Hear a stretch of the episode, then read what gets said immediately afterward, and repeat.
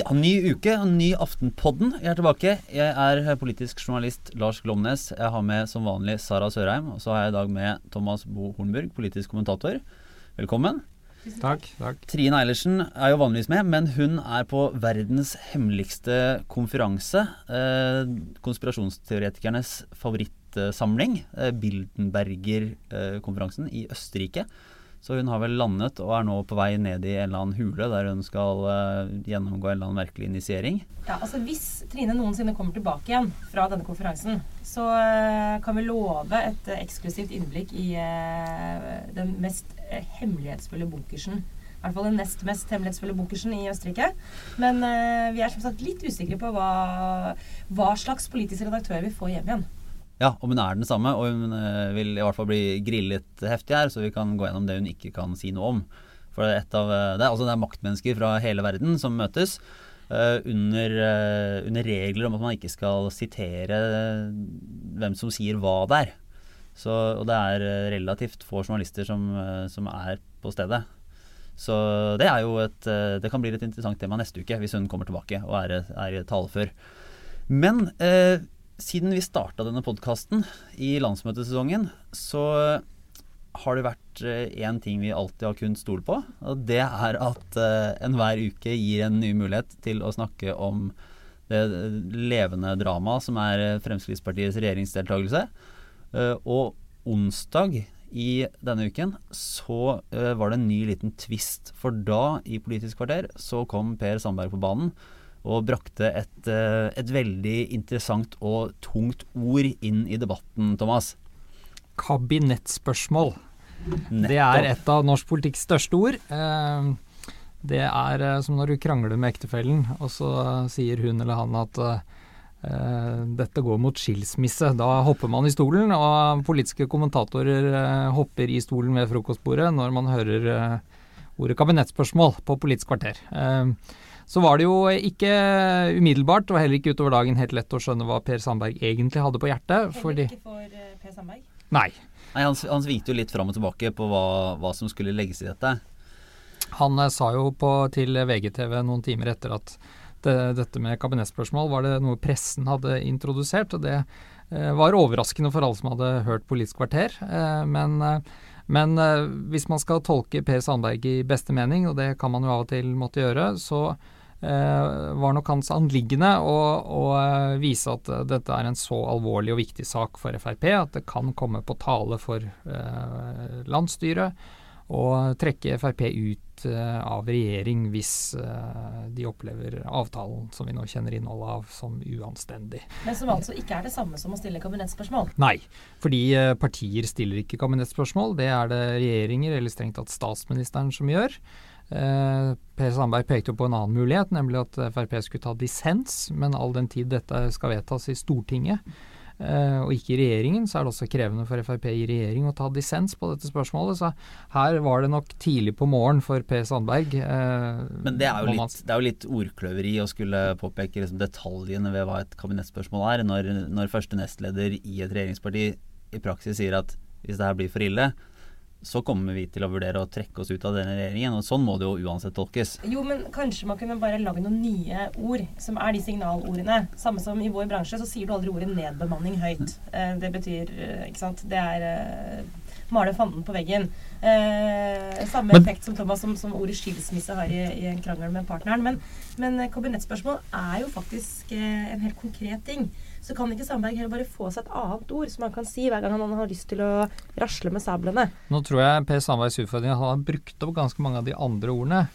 Eh, sånn at eh, nå var han så misfornøyd at han lette etter et, et, et, et, et nytt og veldig sterkt ord. Og da, da lå kabinettspørsmål der eh, på bordet. Men, eh, eh, ja. men, det er jo det jeg tror han mente, var at de var veldig, veldig misfornøyd. Slik eh, bør det nok kunne tolkes, ja. Men hvor, hvor eh, reelt eh, For det med, det med, at han bruker ordene feil til side, da. Hvor reelt er det at uh, dette er en sak som faktisk kan splitte regjeringen, egentlig? For det er jo den store ulv-ulv-våren, dette her. Det er jo jævlig, unnskyld uttrykket, det er meget uh, mye bråk rundt saker som i seg selv egentlig ikke er store nok til å faktisk velte regjeringen. Og Hvis jeg får skyte inn, så fikk jeg høre på Stortinget i går at det var jo eh, Det sies at Per Sandberg i forkant av dette intervjuet hadde gjort det klart at han kom til å bruke ordet kabinettspørsmål. Så det har jo ikke vært noe som bare rant ut av munnen hans i eh, Nei, det skal angivelig være planlagt. Han har ja. bare ikke rukket å slå opp hva det var. Ja. Men, men uh, Syria-saken er jo en stor sak. Uh, det er mange mennesker vi skal ta til uh, Norge over de neste årene. Det er mange penger. Det, vi snakker om 8-10 milliarder kroner over to til tre år i ekstrakostnader. Så sånn sett så er saken stor. Og ingen kan bli overrasket over at i Frp så er følelsene sterke knyttet til flyktningepolitikk. Eh, når jeg tror likevel at denne saken ikke er starten på begynnelsen eh, På slutten. På begynnelsen På på slutten. At det ikke er starten på slutten for FrPs regjeringsdeltakelse, så er det jo rett og slett fordi at eh, jeg tror ikke partiet er der. eh, at de er villige til å trekke den dramatiske konklusjonen eh, det ville være. Går de nå, så er veien tilbake i regjering for Frp veldig lang. Eh, Da har de på en måte vist at de ikke klarte det regjeringspartier i mindretallsregjeringer må gjøre, og det er å forvalte vedtak som flertallet på Stortinget vil ha, som de selv er uenig i. Um, så um, det blir uh, støy og spetakkel, uh, og en markering av hvor misfornøyde Carl I. Hagen og Per Sandberg og eh, mange andre i Frp er, men så langt syns jeg ikke det er noe som tilsier at dette leder til at de går ut av regjeringen. Men det forsurer forholdet til Høyre. Det er en viktig konsekvens av det. Men det er litt som uh, den metaforen som jeg som får inn i hodet mitt nå. Det er at det er tenåringen som blir tvunget til å være med på biltur med familien i sommerferien. Er for liten til å være alene hjemme. Har ikke lyst til å være med, men må være med. Og markerer det med å være sur i bilen helt til Ustadhuset. Uh, slik jeg var i Snakker om erfaring.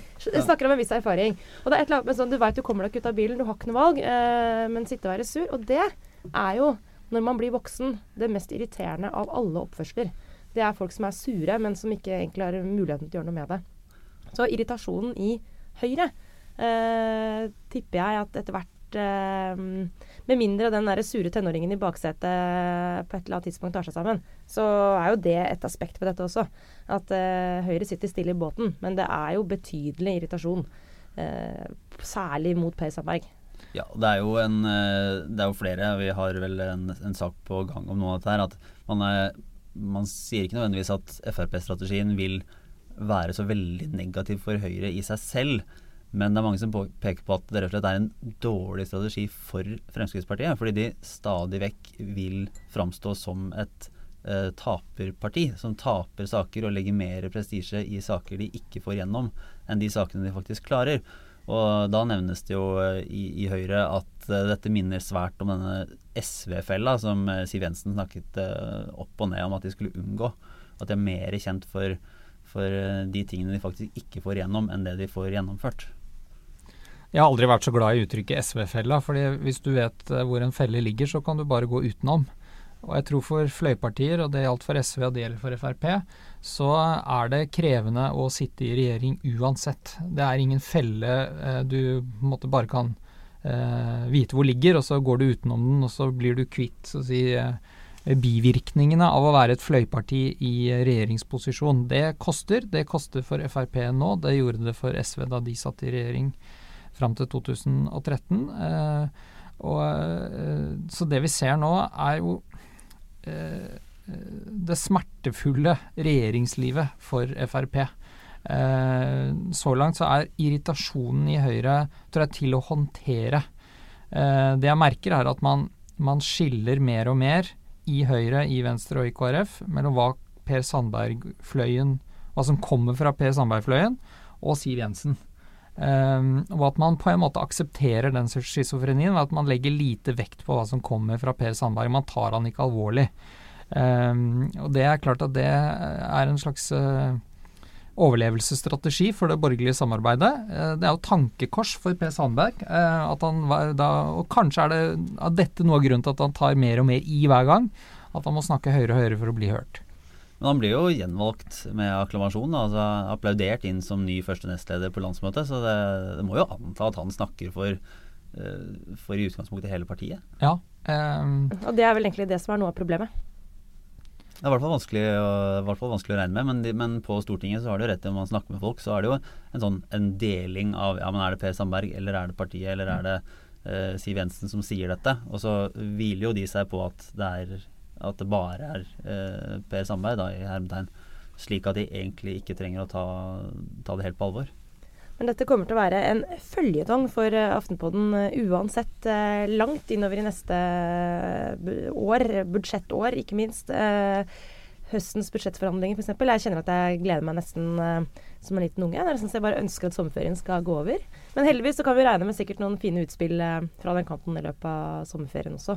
Men dette syns jeg er definisjonen av en gave som bare fortsetter å gi. Det må jeg si. Så rent sånn eh, rent kynisk journalistisk så er jo dette det beste som kunne skjedd. Det at Per Sandberg gikk ut av regjeringen og sitter på Stortinget og lager eh, den kvalmen han lager. Selv om jeg, så jeg er sikker på at ikke det er et synspunkt som deles inn i, i regjeringslokalene.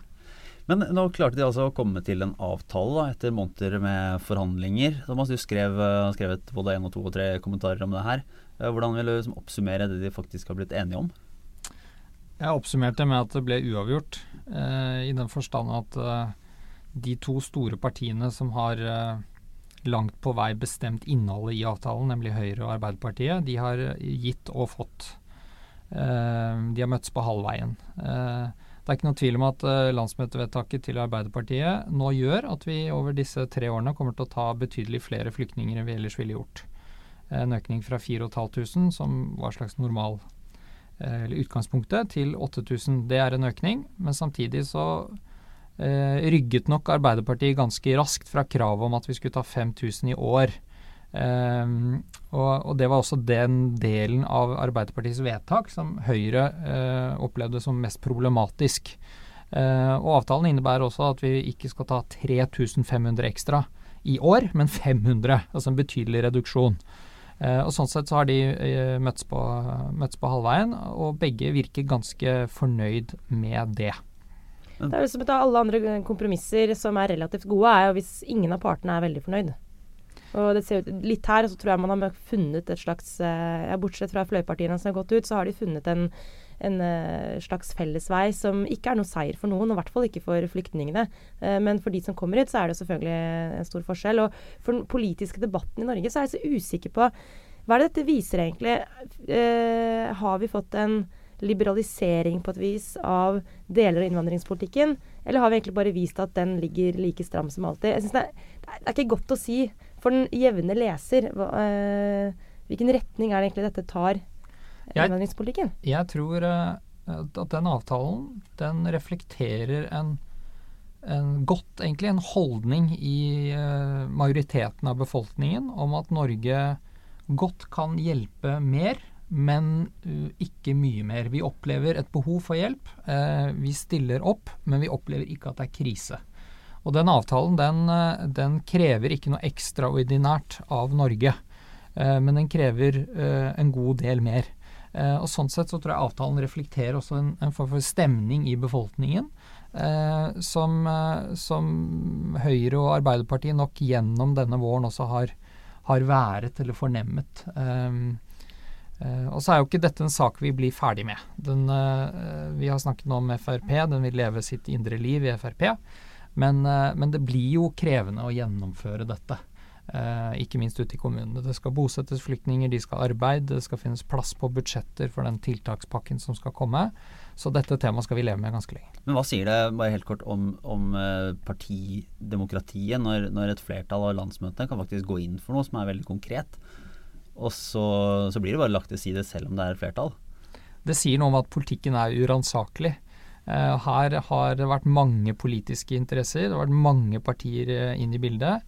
Eh, og ganske lenge avtegnet det seg et bilde hvor Høyre skjønte at de kunne bevege de andre partiene ganske langt i deres retning. Og Arbeiderpartiet, av mange taktiske grunner, var interessert i å få en bred avtale. Eh, det som ligger under, er et engasjement for å gjøre mer for Syria. Og så møter det partipolitikken, og da blandes dette engasjementet med de partipolitiske hensynene, og derfor fikk vi den avtalen vi gjorde. Og da går det jo alltid, og det vet vi jo, eh, den veien Høyre og Arbeiderpartiet bestemmer seg for, hvis de finner en løsning. Hvis storkoalisjonen blir enige, så har det som regel blitt sånn, eh, også i dette tilfellet. Det blir uh, utvilsomt mer av det. Vi hopper litt videre til et tema som vi har skrevet en del om i Aftenposten uh, i denne uka. Uh, som er, gir en del interessante dilemmaer. For vi har sett på kostnaden og effekten bl.a. ved resirkulering. Ja, og vi har fått bekrefta egentlig det som har vært en sånn blanding av frykt, men også en liten lettelse, egentlig. En liten sånn trøst. Nemlig at det ikke er så veldig du, du, redder ikke miljøet eh, når du kaster kaffegrute i matavfallet istedenfor å kaste det i den vanlige søpla. Dessverre. Ja, det ville jo vært veldig mye enklere. Nå er det jo eh, det er en, en større debatt rundt alle disse tingene også, men i hvert fall så har jo tallene vist at effekten av å resirkulere f.eks. mat og plast er relativt liten. Og i hvert fall hvis man sammenligner med større samfunnsmessige grep, da f.eks. oljeindustrien. Men det, men det, er jo noe som påvirker de fleste. Aftenposten hadde jo saken 'Tolv feil du gjør under kjøkkenbenken', som ble lest av veldig mange denne uken. Og det var vel uh... ja, Jeg er en av de som gjør feil. Da. Jeg uh, slurver med, med resirkuleringen. Uh, og delvis også fordi at jeg har hatt en lenge en mistanke om at dette ikke betyr all verden for å redde kloden fra global oppvarming. Men, men, min kone mener at det nok er en alvorlig karakterbrist. Eh, og jeg syns det var veldig interessant å høre NRK som lagde en oppfølging av disse søppelsakene. Uh, hvor de spurte folk om de resirkulerte, og alle svarte at det gjorde de. Og de følte at det, det ga de veldig god samvittighet. Uh, så det er, uh, dette er eh, en, en, sak som jo pirker i den gode samvittigheten. Eh, og, og spør hva er det egentlig sånn at det kommer så mye ut av det da. Men jeg, lurer liksom på om hele dette her eh, enorme resirkuleringsapparatet egentlig bare er en sånn plan for å drive voksenopplæring, eller en slags eh, oppdragelse. Altså Er det bare det å få oss til å tenke at vi skal gjøre liksom, den gode tingen? Er det det som er hele poenget? Uh, og da ble jeg helt sånn usikker på sånn, hvem er det som har bestemt. Er det Bildenberger-seminaret? Det vil jeg tro. Antageligvis har det sittet der nede med ja. Trine Eilertsen stum ved sin side ikke kan fortelle om det. Jeg De sitter nå og tegner opp sånne kart over liksom, uh, Oslos befolkning, og hvem, hvem, kaster hvor, og hvem er rebellen som uh, slenger litt matsøppel i den vanlige søpla, og, og, hva de har tenkt å gjøre med det. Og, ja, veldig skuffet altså, hvis de kommer tilbake og så har diskutert uh, matsøppel i Oslo. Det håper jeg virkelig er Det vært litt smått. Ja, Det ville vært litt Det får vi jo aldri vite. Det er noe av poenget med å holde ting hemmelig. Det er at de, de diskuterer kanskje noe så kjedelig som uh, togavganger i Sveits, eller hva vi vet. Men det, det, er vel noe av suksessoppskriften. Men jeg er veldig jeg, jeg tror ikke på denne oppdragerfunksjonen. Da. Jeg tror heller tvert imot at det gir oss god samvittighet til å gjøre noe vi burde hatt dårlig samvittighet på andre områder. Altså Min kone er lett å be hvis jeg sier at eh, vi skulle ikke ta fly til New York en helg. Eh, og Det gir altså et klimagassutslipp bare den eh, turen som, som, mest sannsynlig er eh, liksom, mye mye større enn den samlede effekten av at vi resirkulerer plast og, ja. og, papp og mat. så, så, det kan like gjerne fungere sånn at vi tillater oss å gjøre en del på andre områder som, som vi har litt dårlig samvittighet for, eller burde hatt det, fordi vi jo resirkulerer. Man kan i hvert fall prøve i, i sosiale sammenhenger, hvis man sier at den resirkuleringa, den driter jeg i, for det er ikke noe viktig. Da får du høre det. Ja, drepen. Ja, det er faktisk eh, relativt ødeleggende.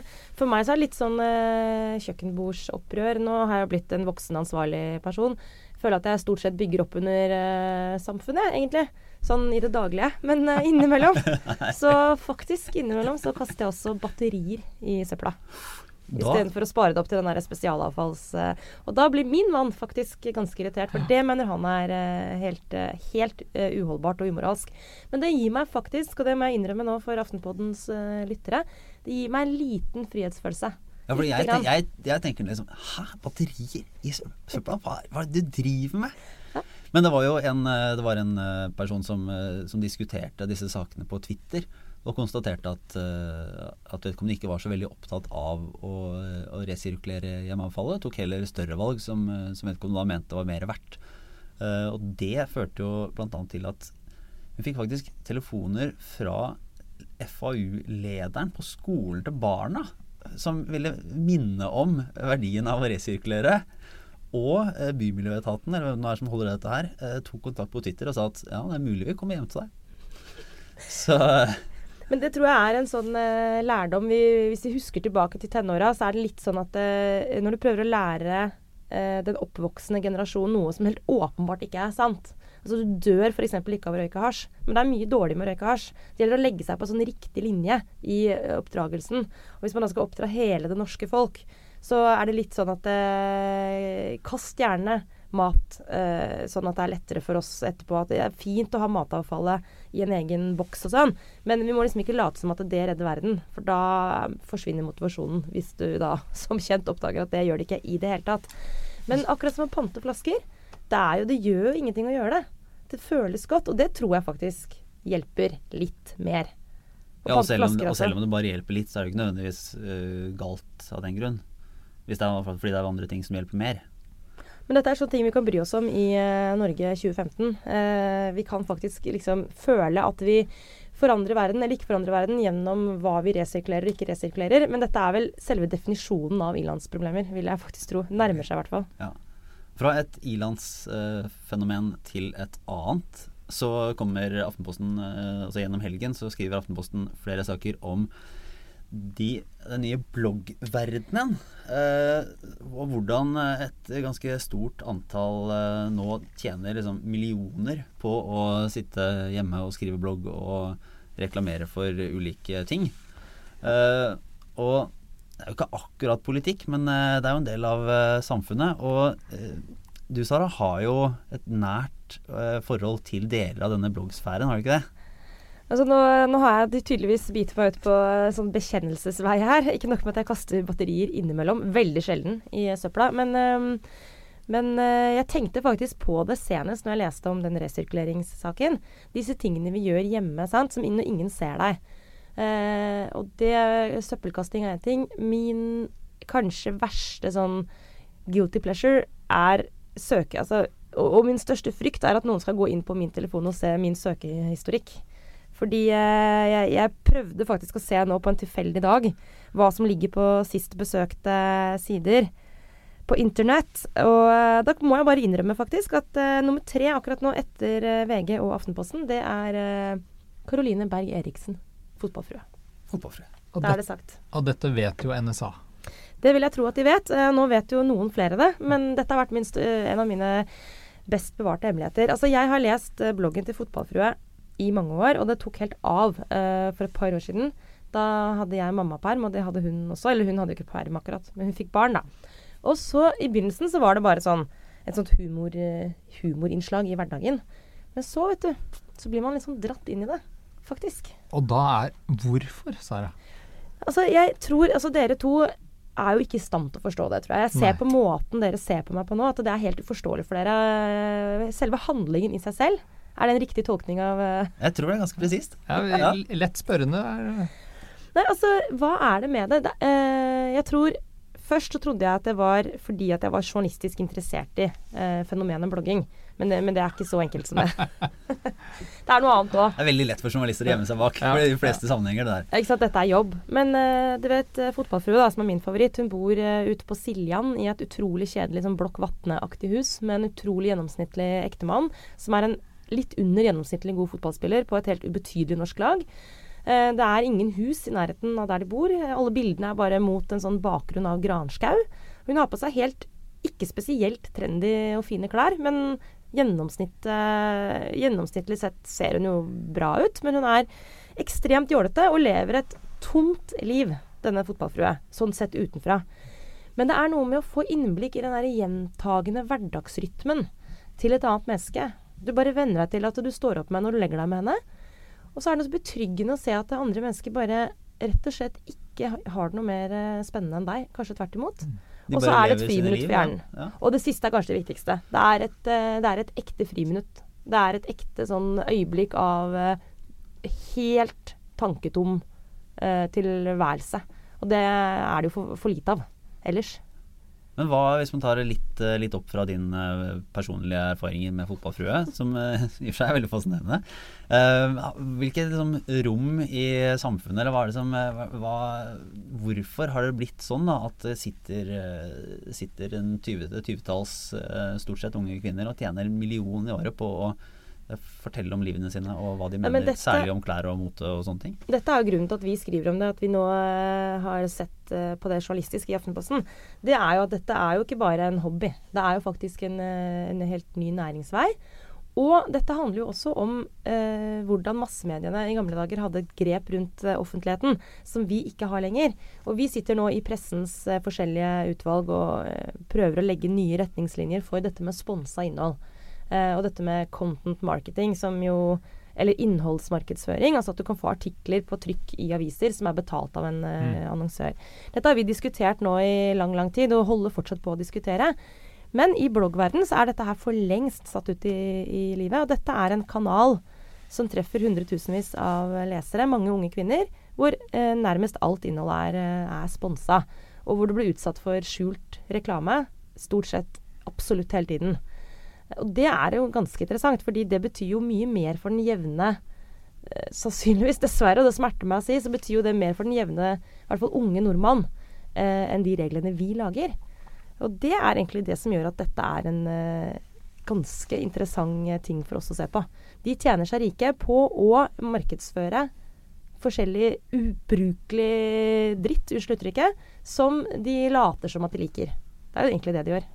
Og i, som, eh, som, en reportasje i A-magasinet viser, så, så, er det jo da et uh, selskap som har tatt med seg en hel gjeng med, med bloggere på, på en sånn fest, uh, festtur til uh, til Syden et eller annet sted. Og mm, som det skrives med seg på i følge, så har du da noe sånt som eh, to millioner følgere. da som får infoen rett fra dette stedet om ja, hvor, hvor, gode produkter det er, og hvor, eh, hvor stas og hvor eh, utrolig god stemning det er. Og, det er mye mer verdt å få en, en Instagram-post på Lene Orvik f.eks., en kjempestor blogger i Norge, en av de aller, aller største.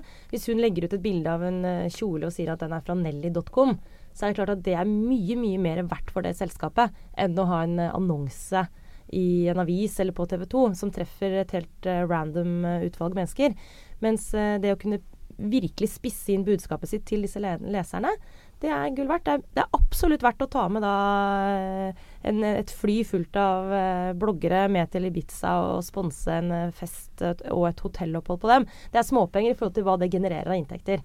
Og det har vært litt, eh, litt sånn dårlig, egentlig, av oss i holdt på å si, den andre litt større offentligheten. At dette fenomenet har fått lov til å egentlig bare utvikle seg uten at vi har sett på eh, disse mer prinsipielle sidene. Og først nå ser vi jo at eh, det begynner å bli oppmerksomhet rundt det, og at forbrukermyndighetene nå har gått inn og sett på hvor mye skjult reklame som faktisk eh, foregår, og eh, slått hardt ned på det. Så nå vil du se at de fleste bloggene er mye bedre merka eh, enn de var før, med annonser, når det faktisk er det det er. da.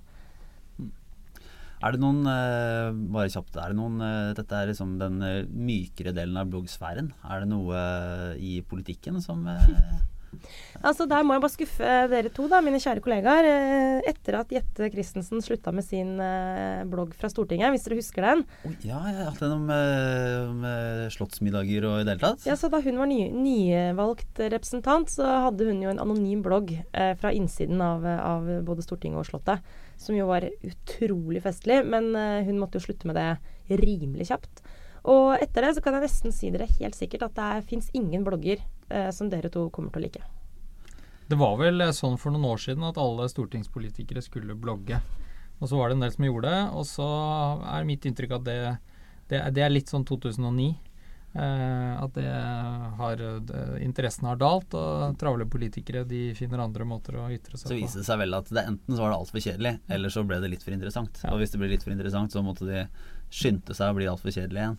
Nei, men mens jeg da har to måter å hvile hjernen på. Jeg kan enten gå på Fotballfrue eller jeg kan se sport. Eh, så har dere bare sport. Men det er ikke så dårlig det heller, da. Men dere, har, dere mangler en sånn hjernedød kanal, rett og slett. Så det vil jeg anbefale dere å bare prøve å, prøve å finne et eller annet. Men jeg tror ikke at den norske bloggsfæren per nå kan gi dere det dere trenger. Jeg har litt det samme sånne Discovery-program for Alaska.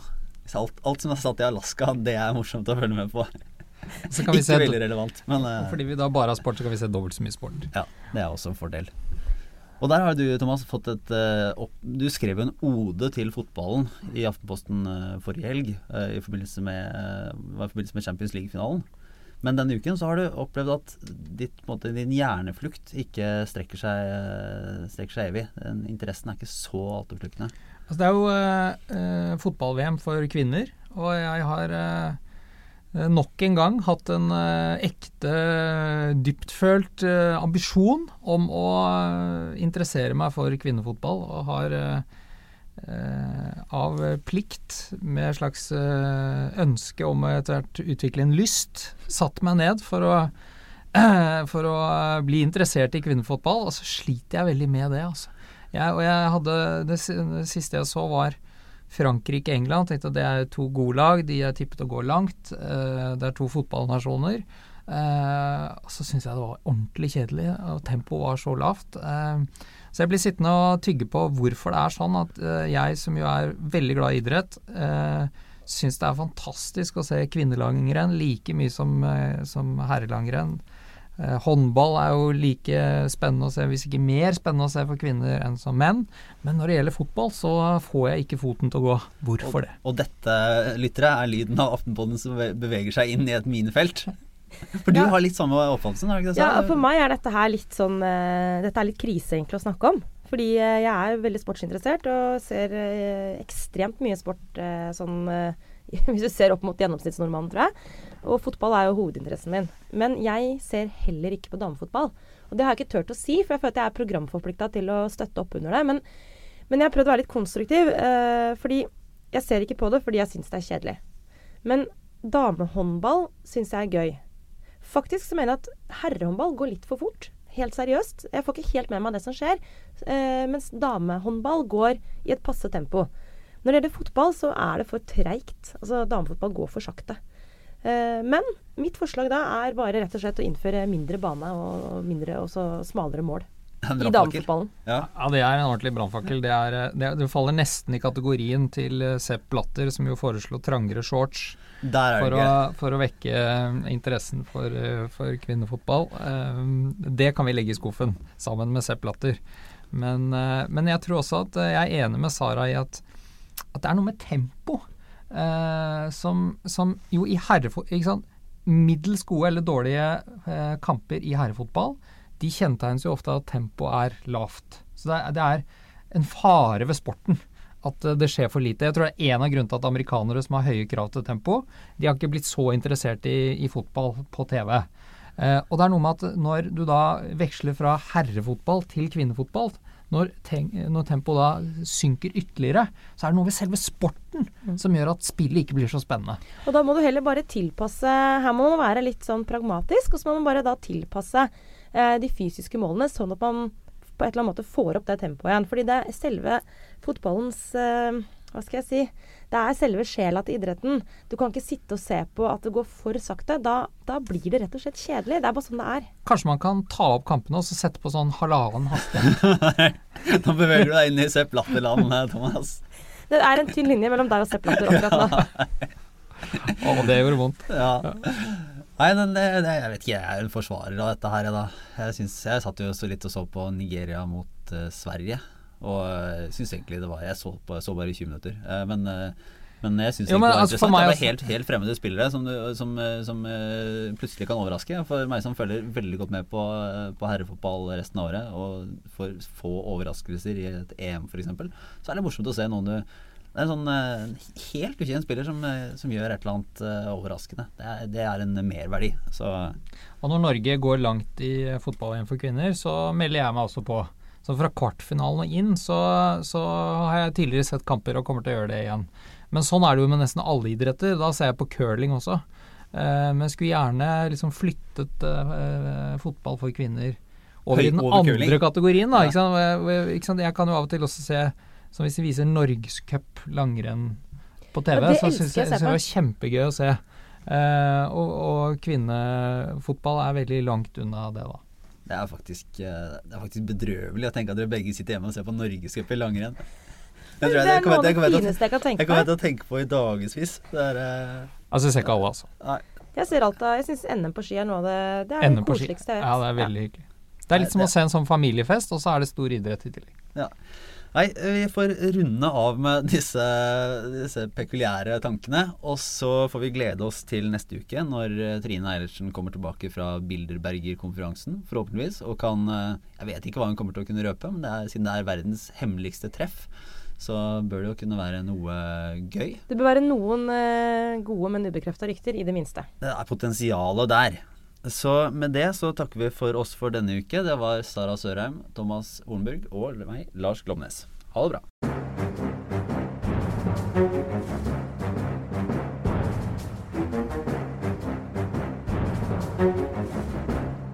Ja, og så kan vi ta med en liten ekstra beskjed. Hvis du hørte på podkasten denne uken i iTunes, så kan du jo også gå inn og abonnere. Da får du den neste utgaven rett i telefonen din uten å måtte gjøre noe som helst. Eh, det gjør du ved å søke på Aftenpodden i eh, iTunes-søkeren, og så er det bare å trykke på abonner og vente på neste utgave. Gi oss også gjerne en stjernerating i iTunes hvis dette er noe du vil anbefale til andre å høre på.